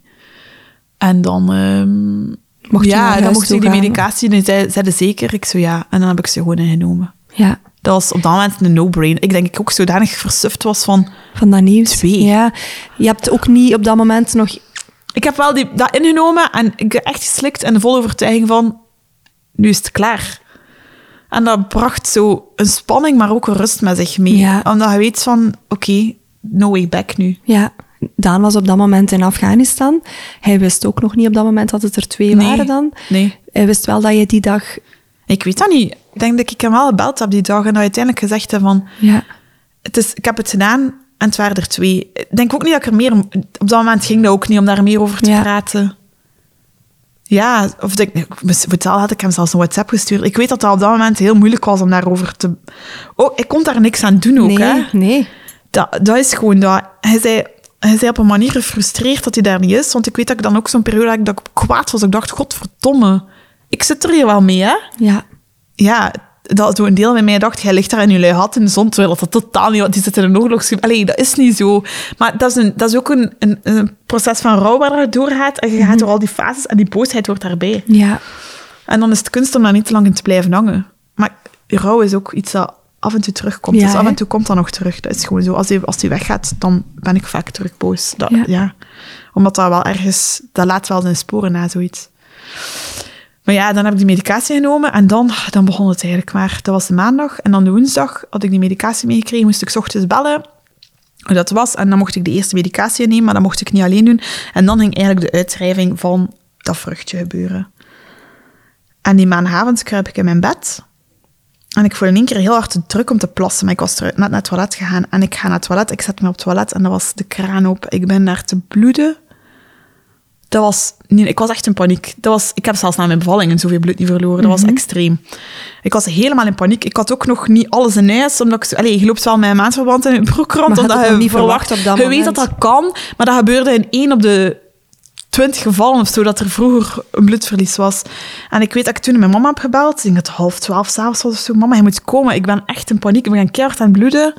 En mijn mama heeft toen bij mij geslapen. En die heeft mij s'nachts ook nog een keer wakker gemaakt om te checken Ja. wat het was. Maar dat is even plots als dat, dat begonnen was, is dat dan gestopt. Maar ik moest de dag nadien ook nog wel werken. Ik moest die maandag en die dinsdag, allee, die, die dinsdag nog werken. En van de woensdag was ik thuis. En dan kwam Nele. Dus ik ben dan nog naar, naar het werk gegaan. En ik weet dat ik zo dacht van... Wat... wat Wat er nu ja, wat als dat hier nu gebeurt? En je loopt zo op je ondermak. Ik heb me niet kunnen focussen op mijn werk die dag, omdat je daar zo mee bezig bent. En dan die dinsdagavond ben ik dan opnieuw bijna bloeden, vrij heftig. En dat was zoiets in mij dat dacht, misschien is het wel klaar nu. Misschien is het wel gepast. Allee. En dan weet ik dat ik die woensdagochtend gebeld heb en dat uitlegde van, ik ben eigenlijk al superveel bloed verloren. Ik voelde mij ook heel moe en lust, allee, zo fitloos, omdat je zoveel bloed verloren bent. Ik zei, moet het nog? En ze zei, ja, we zijn niet zeker dat dat... Eigenlijk op dat moment zouden moeten kunnen gaan voor een echo, dat je het weet. Maar ik heb toen toch nog die medicatie moeten nemen. Dus ik ben dan toch nog door dat proces van die IW gegaan. En Ja. dan ben ik uiteindelijk nog wel echt veel bloed verloren. Maar het gekke is, en dat is omdat ik denk ik een voetvrouw ben, dat je echt kijkt en scant van wat je verliest. Ja, want ik wou het vragen. Omdat je wilt zeker zijn of dat dat weg is. En ik kon niks thuisbrengen. Ja. Ja, hij herkent... Allee, dat is nu heel plastisch, maar hij herkent zo die, die klontersbloed van nadat je bevalling hebt gehad. Dat was, echt, dat was meer dan dat ik... Dat was echt... Ik ben nooit zoveel bloed verloren als toen. Maar dat had ik bij mijn miskraam destijds ook gehad. Dat was ook extreem veel bloed. Dus ik weet al dat mijn lichaam daar wel wel op reageert. Maar op een manier voelde dat ook zo van... Dit ken ik. Dit voelde niet als een abortus. Allee, ik ben heel dankbaar dat dat met die medicatie kon, omdat dat, dat was dat proces van die uitdrijving. En dat voelde heel hard als loslaten. En het voelde op een manier zo... De nageboorte van je placenta, dat leek Ja. daar heel hard op. Waardoor dat, dat niet zo bevreemdend was. En Ja. waardoor dat, dat in mijn hoofd te plaatsen was op dat moment. En ik weet dat ik toen een paar keer tegen geze- gevraagd heb... Ben ik voor God aan het spelen? En die zei, nee, je kiest voor jezelf en voor je gezin. En dan dacht ik, ja, zo is het. Dat is het ook gewoon. Dat is de essentie. Meer moet daar ook niet van gemaakt worden. En dat was, dat was oké. Ja. En dan is dat gedaan. En dan, ja, dan heb je ook wel, na zoiets, heb je ook wel heel lang bloedverlies. Ik denk zes Ja. weken of zo dat je bloedverlies hebt nadien. en dat vind ik het maffe, ik denk drie weken nadien of zo, op mijn werk ga ik naar het toilet en in mijn slip zat iets dat ik dacht van, oké, dat was, het was nog niet helemaal uit mijn Ja. leven. Nee, het gaat zo lang geleden niet zijn. Ik denk dat het de week nadien was of zo. Want ik denk dat ik na twee weken een nakontrole had. Het was kort voor die nakontrole. Ja. Ik ben echt naar daar gaan van een stelling van... Eentje is sowieso weg. Maar ik voelde wel aan mijn lijf dat het aan het ontzwangeren was. Dus ik had zoiets van... Het is, het is klaar. En Mhm. ik ben eigenlijk heel met vol vertrouwen naar daar gegaan. En dan zijn ze nog een keer over die anticonceptie begonnen. En dan heb ik dat afgeblokt. Heb ik gezegd, ik Ja. denk dat ik de vorige keer duidelijk gemaakt heb van... Er is geen partner op dit moment en ik zal wel voorzichtig zijn, punt. Ja. Zodat. Eh, Ik had ook geen zin om daar meer woorden naar veel te maken. Nee, kan ik mij voorstellen. Ehm, had je op voorhand bedacht, als ik de vruchtjes dan verlies, ik wil daar iets mee? Of had je nog niet zo ver durven nadenken? Of... Ik weet wel op dat moment dat dat dan gebeurde, dat ik dacht, ik ga dit nu gewoon door het toilet sassen. Want er is ook niks anders om te doen. Je zit op je werk, wat moet je doen? Ja, En dat was echt wel zo'n moment dat ik dacht, waar is hij in godsnaam mee bezig? Dat je zo even uit de situatie stapt en van op een afstand kijkt naar wat er aan het gebeuren is en dat je beseft hoe absurd dat, dat is. Dat was wel echt zo... En ik weet dat ik echt zo... Boven, ik stond zo in dat toilet en ik dacht, wat moet ik hier nu mee? Echt zo van, shit, ik wil dit niet op dit, deze manier doen, maar wat, wat is er wat anders wel? voor mij Ja. om te doen? En dan heb ik, ik weet dat ik, ik heb doorgespoeld en ik heb echt gezegd, sorry. Ja, dat was zoiets dat ik, dat, ik voelde dat verplicht dan Ja. om dat te zeggen, om dat uit te spreken. En ik ben dan wel echt zo met een heel raar gevoel terug achter mijn bureau gaan zitten. Zo van, wat was dit? Allee, Mhm, dat is zo een an, de zoveelste absurde situatie waarin je terechtkomt en dan je denkt, dit overkomt mij toch, dit kan ja toch dit niet? is zo surreal. Ja, Dat, dat, en je, je brein rationaliseert dat dan opnieuw kapot, zodanig dat je daarmee kunt omgaan, dat je daarmee kunt dealen. Maar je voelt heel dat proces wel plaatsvinden. En ja, daar ben ik me wel nog altijd hyperbewust van, dat ik dacht van, wat Gewoon, Ja. er is geen ander woord dan, wat de fuck was dat? ja. Dat, ja. En je beseft dan, het is voorbij. En je bent opgelucht. En tegelijkertijd begint dan dat besef van, ik heb iets gedaan, dat ik de rest van mijn leven met mij ga meedragen. Ja, dit, dit, dit is iets En ik, definitief. ik moet mij daar niet voor verantwoorden. Het feit dat ik dit moet meedragen de rest van mijn leven, is voor mij genoeg. En voor de rest ben ik niet van plan om mij daar nog over te schamen. Want Ja. op, het moment dan, op dat moment dat ik sorry zei, dat was alle schaamte die ik in mij had, is gekanaliseerd naar, naar de plek waar dat het moest zijn. Ja. Naar, so- mijn, mijn sorry was alleen gericht aan die twee vruchtjes, of die twee embryo's. Van sorry dat je de kans niet gekregen hebt, maar het was, het was voor de better, zo Ja. dat. Maar meer moest het ook niet zijn. Ja, Ja, dat is, dat is het enige waarvoor dat ik mij moest verantwoorden, was ten opzichte van die cellen, dat, dat hoopje cellen. ja, Dat was het. Sorry voor de kans dat je niet gekregen hebt. ja. En dat kan heel hard blijken. Als je zo pro-life denkt, snap ik dat wel, dat dat heel hard klinkt. Maar ik heb vooral pro-life mijn kinderen gekozen. Ja, hè? Ja. ja. Dat... Was er iets van nazorg? Want je hebt dan wel die controle terug gehad bij de gynaecoloog, bij de verpleegkundige, die dan over de anticonceptie wou beginnen. Nee, daar stopt het ook wel. Is, wordt er niet iets aangeboden qua lotgenoten? Ik denk dat ik misschien nog wel contact kon opnemen met die psychologen, maar ik weet eigenlijk niet meer zo goed wat dat aangeboden is geweest. Ik denk dat, dat voor mij was het ook toen wel van, dit is afgerond, ik moet nu terug naar... Ik was met toen... Je moet weten, ik had een baby van 15 maanden. Ik, een baby, dat was echt nog een Mhm. En baby. gewoon drie jonge kinderen. Die vier uur per nacht sliep, als ik geluk had. Ja, Ik had net een zwangerschap ondergaan. Ik was steendood. Ik had een ijzertekort door al dat bloedverlies. Ik was de vier, vijf aan het werken. Ik was mijn kinderen in leven aan het houden. En ik was ook nog aan het doen of er niks gebeurd Ja. was. Zonder partner. Dat, dat was gewoon... Je weet, this is recipe for disaster, maar je hebt geen andere keuze dan doorgaan. Ik weet dat er heel veel mensen toen tegen mij gezegd hebben die zelfs niet wisten van die abortus. Amai, zo dapper dat hij zei het. En ik denk, heb ik een andere... Ik heb geen andere keuze dan dat. Ik moet Ja. gewoon door. Er Ja. is niemand die gaat zeggen, ik ga een job, uw huishouden en uw verdriet even overnemen. Dat gaat niet. Dat, dat kan gewoon niet op dat moment. Het is gepeerd gewoon door. Dus dat is gebeurd eind augustus. Ja, en dan begin september moest ik dan ook nog een ingreep aan mijn enkel ondergaan, die gepland stond. En eh, eind oktober, begin november, wacht, Dan is teruggekomen vlak voor kerst. begin november ben ik gecrashed. Ja, dan ben ik echt gecrashed. Omdat het niet meer ging. Maar dat was niet per se door die abortus zelf, maar gewoon door heel de situatie daar rond. Mhm. En de ruimte die er niet was om daar... Ja, de daar- opstapeling ja. van de veelheid. Er- ik ben nooit thuisgekomen, ik ben nooit in zijn armen kunnen kruipen en het allemaal een keer uitblijten. Dat is nooit gebeurd. Die situatie heeft nooit plaatsgevonden. Waardoor dat dan nog allemaal in mijn lijf zat, zit. Zag je het zelf aankomen? Nee. Want ik weet dat ik toen... Ik heb dat ook heel openlijk gedeeld toen. Omdat, omdat ik zoveel bericht kreeg van... Amai, je bent zo goed bezig en je bent zo straf. Dat ik toen echt openlijk gedeeld van... Ik kan niet meer, het is op. En ik weet dat... Dat was van dinsdag op woensdag... Ik, ik, het was woensdagochtend, drie uur s'nachts. Ik had mijn kleren nog aan van de dinsdag. Ik was nog niet in mijn pyjama geraakt. Ik zat met mijn rug tegen de deur van Lucille, haar slaapkamer, die aan het krijsen was daar binnen. Ik kon niet binnengaan, want ik dacht, als ik binnen ga, dan doe ik dat kind iets aan. Zo- dat, dat Ja. gevoel dat je jezelf niet meer onder controle hebt. En die kinderen worden, werden daar nooit van wakker. Maar toen kwam Astor naar beneden. We hebben nog een verdiep daarboven en die komt zo die trap af en die ziet mij zitten voor die deur. En die zei, mama, het gaat niet, hè. Het kan niet, hè. Je, je bent zo moe, want papa is hier niet.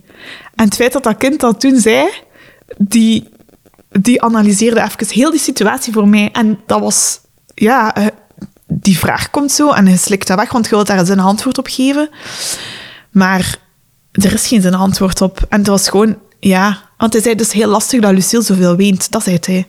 Het is heel lastig dat Lucille zoveel weent en dat papa hier niet is. Het- dat, dat, kan je, dat, dat kan niet meer. En mama, die was toen, ja, vijf, moest vijf worden. Dus Oh, Allee, dat ik zei dat hij heel emotioneel Ja, voelend is, dat amai. is echt zo. Dat is echt een gouden hartje. Maar dat ik ook dacht, mijn kinderen beginnen, hier, beginnen dat te merken. Mhm. dit, dit mag niet meer. En ik ben s ochtends opgestaan, half zeven. Ik heb die kinderen klaargemaakt. Ik ben naar school gereden, de kinderen afgezet, ben naar de crash gereden. Ik heb Lucille afgezet. En ik was 50 meter van mijn werk. En ik heb toen gezegd, hier, stop het. Dit kan niet meer. Nu ga ik voor mezelf zorgen. En ik ben omgedraaid, ben naar huis gereden. Ik heb de huisarts gebeld. En ik heb daar denk ik een uur en drie kwart zitten beleiden. Die heeft Ja. ook de ruimte genomen, die heel mijn verhaal gedaan. En dat mocht. En dat kon. Oei, sorry. En is ik heb toen ehm, de ruimte gekregen en genomen om echt voor mezelf te zorgen. En ik had zoiets wel zoiets van, ik mag hier ook niet te lang blijven talmen, want ik moet nog een maand. En de situatie is eindig. Ik kom bijna naar huis. Mhm. Dus ik ben na drie weken ook terug beginnen werken. En ik denk dat ik een heel stuk van het proces nog altijd niet helemaal verwerkt heb, omdat ik toen terug in die praktische modus ben geschoten. Maar dat is wel hoe dat gelopen is. Ja. Ja, en dan is thuisgekomen en ik weet, die eerste keren is er heel veel gehuild geweest. Allee, ook die eerste keer, ik weet niet hoe ik nog mag zeggen, maar die eerste keer dat wij dan terug vreden, dat was met zoveel lading bij mij. Ja. Want die angst zit daarin en die ontlading zit daarin van die is terug. Dat fysiek is daar, je kunt iemand vastpakken en ik zou bij wijze van spreken in hem gekropen zijn, omdat je dat zo gemist hebt van gekoesterd worden. Ja, ja. dat. En ja, die ontlading dus daar dan ook is, en dat komt dan allemaal los. Ik heb veel geweend die eerste week. Maar ook zo, vooral op die momenten, omdat je dan, je verliest ook die controle even, en dan kon ik dat lossen. Maar meer dan... Ik had ook zoiets van, het moet ook niet zwaarder gemaakt worden. Want het is niet dat ik getekend ben voor mijn leven. Maar het is wel iets dat ik de de rest van mijn leven meedraag. En dat af en toe nog de kop opsteekt als in... Ik heb dat meegemaakt en dat heeft een bepaalde zwaarte gehad en dat mag ook, of zo. Ja, het moet niet zwaarder gemaakt worden dan dat het is. Want ik heb die keuze gemaakt en tot op de dag van vandaag heb ik daar geen spijt van en voel ik dat dat voor alle partijen, voor alle situaties, voor alle scenario's gewoon het beste is geweest. Ja. Maar ik heb het wel meegemaakt. Ja, het mag, Zodat- het mag nog altijd wel een deel ja, zijn het, van wie... het is deel van wie dat ik ben, Ja, van wie dat ik ben geworden, van, van hoe dat onze... ge- Van, van, van, het is deel van ons gezin, gewoon zo dat. Ja. ja, ik vraag me af als mensen jou, aan jou vragen en hoeveel kinderen je hebt, wat dat je dan zegt en wat dat je dan denkt. Ik ben daar heel benieuwd naar. Ik zeg altijd drie, ik heb drie kinderen, maar in mijn hoofd... Ja, ik weet wel dat ik vijf keer zwanger ben geweest. Ja, Ja, dat, zijn, dat, is, dat is gewoon zo Ja. ergens. En ik weet dat ik, dat, dat ik die post... Volgens mij heb ik daar de eerste keer iets van gedeeld op Wereldlichtjesdag. En ik weet dat ik toen... Ik, ik, ik, allee, dat is raar, maar ik heb zoiets van... Ik denk... Ik sta vaak stil bij dat soort dingen. Ik ben iemand die daar wel veel mee bezig is. Dus voor mij hoeft dat dan niet per se een kaarsje te zijn of dit of dat. Maar ik weet dat ik toen al twee kaarsjes aangestoken en dat ik dacht... Ik zat hier zo, dat was hier. En ik zat er zo naar te kijken van... Maar heb ik eigenlijk wel het recht heb ik het recht om dat verdriet te voelen? Of om dat, om dat zo te, te voelen of te beleven als ik die beslissing zelf heb genomen?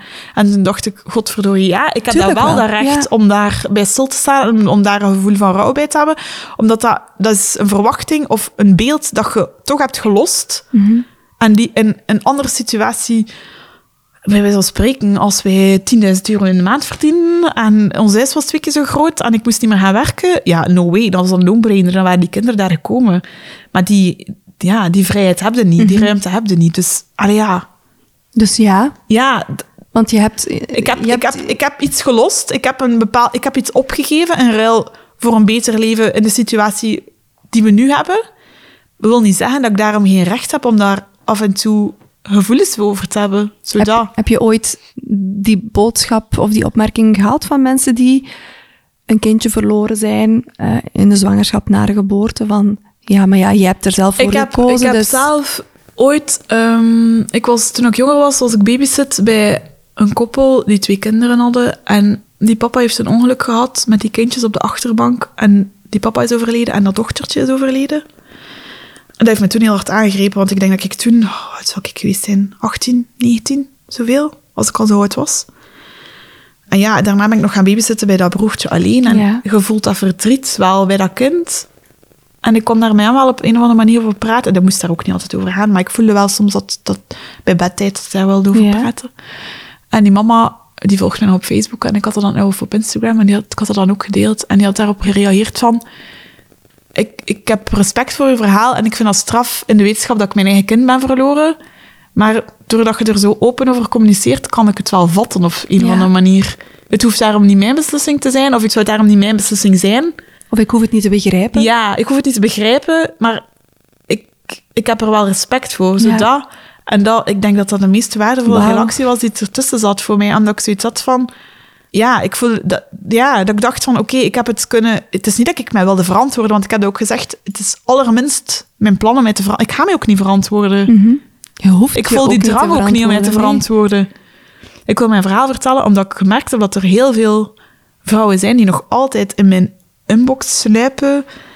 Als in, ik heb een jaar geleden dat bericht gelezen en ik zit nu in dezelfde situatie en ik voel dit en dit en dit en ik kan daar geen weg mee en Ja. ik moet dat gewoon even delen. Ook heel veel vrouwen die zeggen, ja, ik heb dat zoveel jaar geleden ondergaan en ik heb dat nooit met iemand durven delen. Dat ik denk, hoe zelfs? Hoe draagt je dat als je dat niet met iemand kunt delen? Dat vind ik zo mogelijk nog veel straffer dan uw verhaal wel delen, omdat ik smijt het eruit en ik, soms denk ik, ik belast een ander met dat verhaal. Maar dat, ja, ik heb ook recht, denk ik, dan om mijn... Absoluut. Dat is deel van wie Ja. dat ik ben, ja. Ja, En ik, heb, ik ben heel hard van, ja, dit ben ik, take it or leave ja, it. en delen kan gewoon helend werken soms. Ja. ja. Ik heb dat, ja, dat voel ik heel hard. Ik ben sowieso een, een sharer. Ik heb dat nodig. Ik heb dat altijd al gehad. Dus dat zit in mij. Dat, dat is ook een stuk loslaten. Ik heb het gedeeld met iemand. Het verhaal is niet meer alleen van mij. En daardoor voelt het ook minder zwaar of zo. Wat dan misschien wel wat egoïstisch is in dat standpunt. Want je smijt het dan soms op andere mensen. Hè? Maar ja, dat helpt mij wel. ja, Het is, het is zaak van dan de juiste mensen te vinden om je verhaal mee te delen. ja. Heb je slechte reacties gehad? Eén van iemand die wel vrij dicht bij ons stond en die mij daar heel hard mee gekwetst heeft. Maar ja, ik ben daar dan ook redelijk radicaal in. Dan stopt het verhaal voor me. Ja. ja, dan doe ik daar ook geen moeite meer voor. Dat was ook vanuit een overtuiging die ik niet kan volgen. En Ja. de gevolgen die daaraan gekoppeld zijn geweest, die raakten mijn kinderen. Ja, dan ben ik een, Mhm, Een een moederleeuwin en dan eh, is het klaar. Ja, nee, daar ben ik redelijk rechtlijnig in. Om, net omdat ik zoiets heb van, ik hoef me niet te verantwoorden. Mhm. Ja, en iemand anders mag die andere mening delen, maar dan hoef ik mij ook niet met u te omringen. Nee, voilà. Ja. dat is hoe dat ik daar... Nee, dat hoeft niet iedereen zijn mening te zijn, maar dat is wel hoe dat ik erin sta. Het nodige respect Ja, voilà. op zijn plaats. Hè? Ja. Ja. Stel dat ooit een van jouw dochters ehm, voor deze keuze komt te staan. Ik heb daar ook al bij stilstaan. Dan hoop ik dat ze, dat ze de vrijheid voelen om dat met mij te delen. En dan hoop ik dat ze de vrijheid voelen om een eigen keuze ook te Ja. mogen maken. En dan hoop ik dat ze, dat ze de begeleiding vinden of dat ze zich kunnen omringen met de mensen die gedaan hebben wat dat, die, de mensen rondom mij voor mij gedaan hebben. Zodat. Ja. En ja, ik, Ik heb al mensen in mijn omgeving gehad die dan bij mij komen, wat moet ik doen? Ik, ik ga nooit mijn dochters een beslissing kunnen maken. Hun situatie gaat anders zijn dan de mijne. Elke situatie is anders en specifiek. Maar gewoon de vrijheid hebben om je eigen keuze te kunnen maken, zodanig dat je als je keuze gemaakt is, daarna het gevoel hebt van dit was voor mij de beste. Dit is niet de, de keuze die ik wilde maken. Niemand wil die keuze maken. Nee. Want dat is het vaak. Ik wou die keuze niet maken. Het is niet dat ik dacht, oh, hier, dat, hier ga ik niet gemakkelijk door. Oh, dit is nu een keer iets op mijn bucket. Dat, totaal niet. Dat staat niet op je bucketlist. Dat overkomt u, je staat daarvoor, je moet daardoor. Maar het feit dat je die keuze mocht maken, dat je de vrijheid hebt om daarin een keuze te maken, dat vind ik zo waardevol. En niet veroordeeld worden daarvoor. Als mijn dochters dat hebben, en ik kan dat voor hun helpen faciliteren, dan kan ik niet meer doen of wensen, denk ik. Ja. Maar vooral, bovenal hoop ik dat ze daar gewoon nooit in verzeilen. Ja, ja, ja. Kan ik helemaal volgen. Dat. Is er nog iets wat je zelf zeker wil toevoegen? Ik, ik hoor bijvoorbeeld, allee, ik moet nu zelf denken, heel vaak spreken mensen over een abortus plegen. Ik vind dat zelf een, eh, een heel beladen iets plegen, omdat ik dan altijd bij iets aan iets crimineels denk. Voor mij voelen het heel hard als ondergaan. Ja, Omdat je geen keuze hebt. Allee, als je, een situa- je hebt wel een keuze. Je kunt de abortus niet ondergaan. Maar dat impliceert wel dat je in een situatie verzeilt waar dat je ook niet voor gekozen Ja. hebt. Dus het over, de, de zwangerschap overkomt u. En gelijk welke beslissing dat je dan neemt, die ondergaat, je ondergaat de gevolgen van je beslissing. ja, En ja, ik heb die keuze gemaakt om die zwangerschap af te breken, want ik noem het ook liever zo. Ik vind abortus zo'n agressieve term. Mhm. ja hè? Ja, voor, voor iets waar dat zoveel emotie bij komt kijken.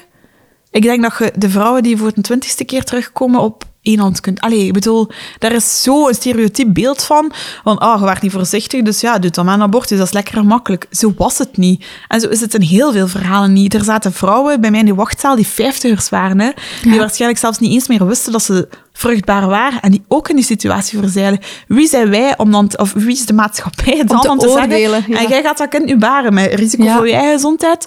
En een kind dat misschien nog twintig jaar zijn oud... Allee, bedoel, denk eens na. Dus nee, ik, ik heb zoiets van... Iedereen, elke vrouw die daar zat, moest het ondergaan. Ja. Niemand heeft dat gepleegd. Je kiest daar niet voor. Want als je daarvoor kunt kiezen... Dan komt dan er in de om niet situatie zwanger te ter- ja, worden. voilà. Voilà, Ja. dat is Ja. het gewoon. Ik rond elke aflevering af, Celine, met een, ehm, een compliment dat je aan jezelf mag geven. Wat zou Oei. jij, terugkijkend op eh, ja, heel deze ervaring... Ik denk dat ik gewoon heel blij ben dat ik, of dat ik heel dankbaar ben voor mezelf, dat ik zo dicht bij mezelf gebleven ben. Dat ik mijn grenzen gevonden heb daarin, onder de tijdsdruk waarin ik stond, want dat vond ik geen evidente.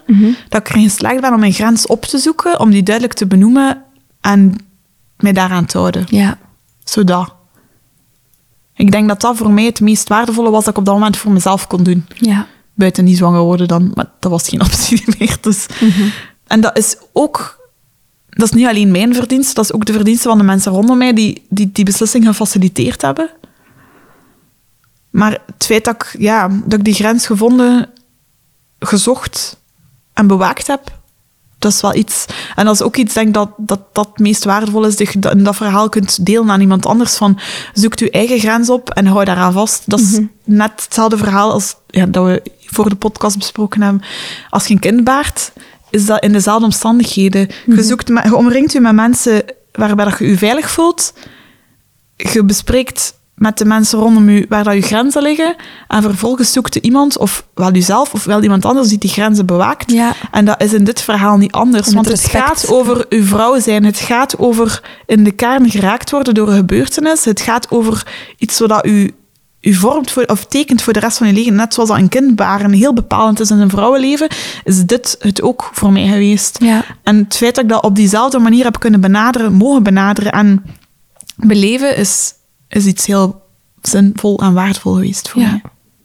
Zo voelen het als een, het, is een, het was een afscheid, maar het was ook op een manier een, een- loslaten en een verwelkomen van, van een, nieuwe, een nieuwe situatie of een nieuw gezin zoals dat was. Het gezin van mijn drie kernkinderen en die twee die ik gelost heb. Zodat. Ja. Ik wil je er graag nog een complimentje aan toevoegen. Ik denk het feit dat jij daar zo open over deelt, Je zegt het zelf al, nog wekelijks vinden vrouwen de weg naar jouw inbox. Ik denk dat dat van onschatbare waarde is. Het feit dat jij zo transparant jouw verhaal durft te vertellen, is niet evident. Nee, dat dat is ook niet vanzelf gekomen. Ik heb wel echt op voorhand een aantal vrouwen opgezocht, waarvan ik weet dat die, zoals ehm, Noémie van Cœur à la Mareba en ehm, Romina, die, die zijn daar heel... Allee, ik heb die daar over gesproken en omdat ik wel mijn angst had van...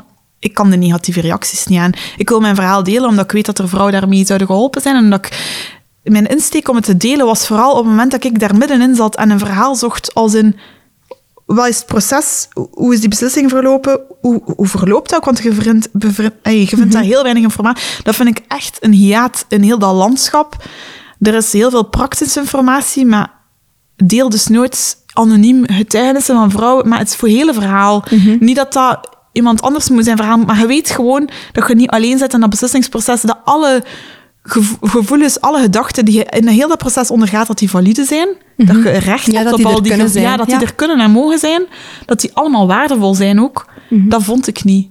En ik dacht, want daar heb ik het dan met Daan over gehad, want ik zat daar meer met honger en ik voel ook dat ik hiermee iets wil doen. En ik voel ook dat ik het niet durf delen omdat er een schaamte is. En toen zei Daan van, ja, jij houdt op dit moment door je verhaal niet te delen die schaamte mee in stand.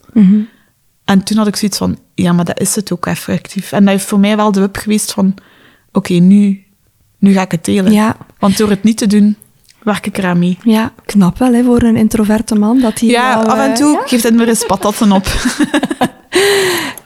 Mag ik jou heel erg bedanken, Celine, om dit verhaal zo mooi ook te delen. Maar jij merci Eh, dat, ik, eh, dat ik de kans krijg om dat te doen. Allee, het voelde heel fijn en veilig en warm. Oké, dat vind ik fijn om te horen. Ik ben ervan overtuigd dat het voor heel veel mensen als een warm dekentje kan voelen om jouw verhaal eens te horen. Dank u. Dankjewel. Merci. Bedankt om te luisteren naar Celine haar verhaal. Ik hoop dat het erkenning kan geven voor zij die dat nodig hebben. Als je zelf nood hebt aan psychosociale ondersteuning omwille van een zwangerschapskeuze, weet dan dat je ook terecht kan bij FARA VZW. Ik zet de websites van het abortuscentrum en FARA in de show notes. Je kan mijn podcast enorm helpen door deze aflevering te delen met iedereen die hier iets aan zou kunnen hebben. Vergeet ook niet om een gratis review na te laten in de app waar je luistert. Dankjewel en tot volgende keer.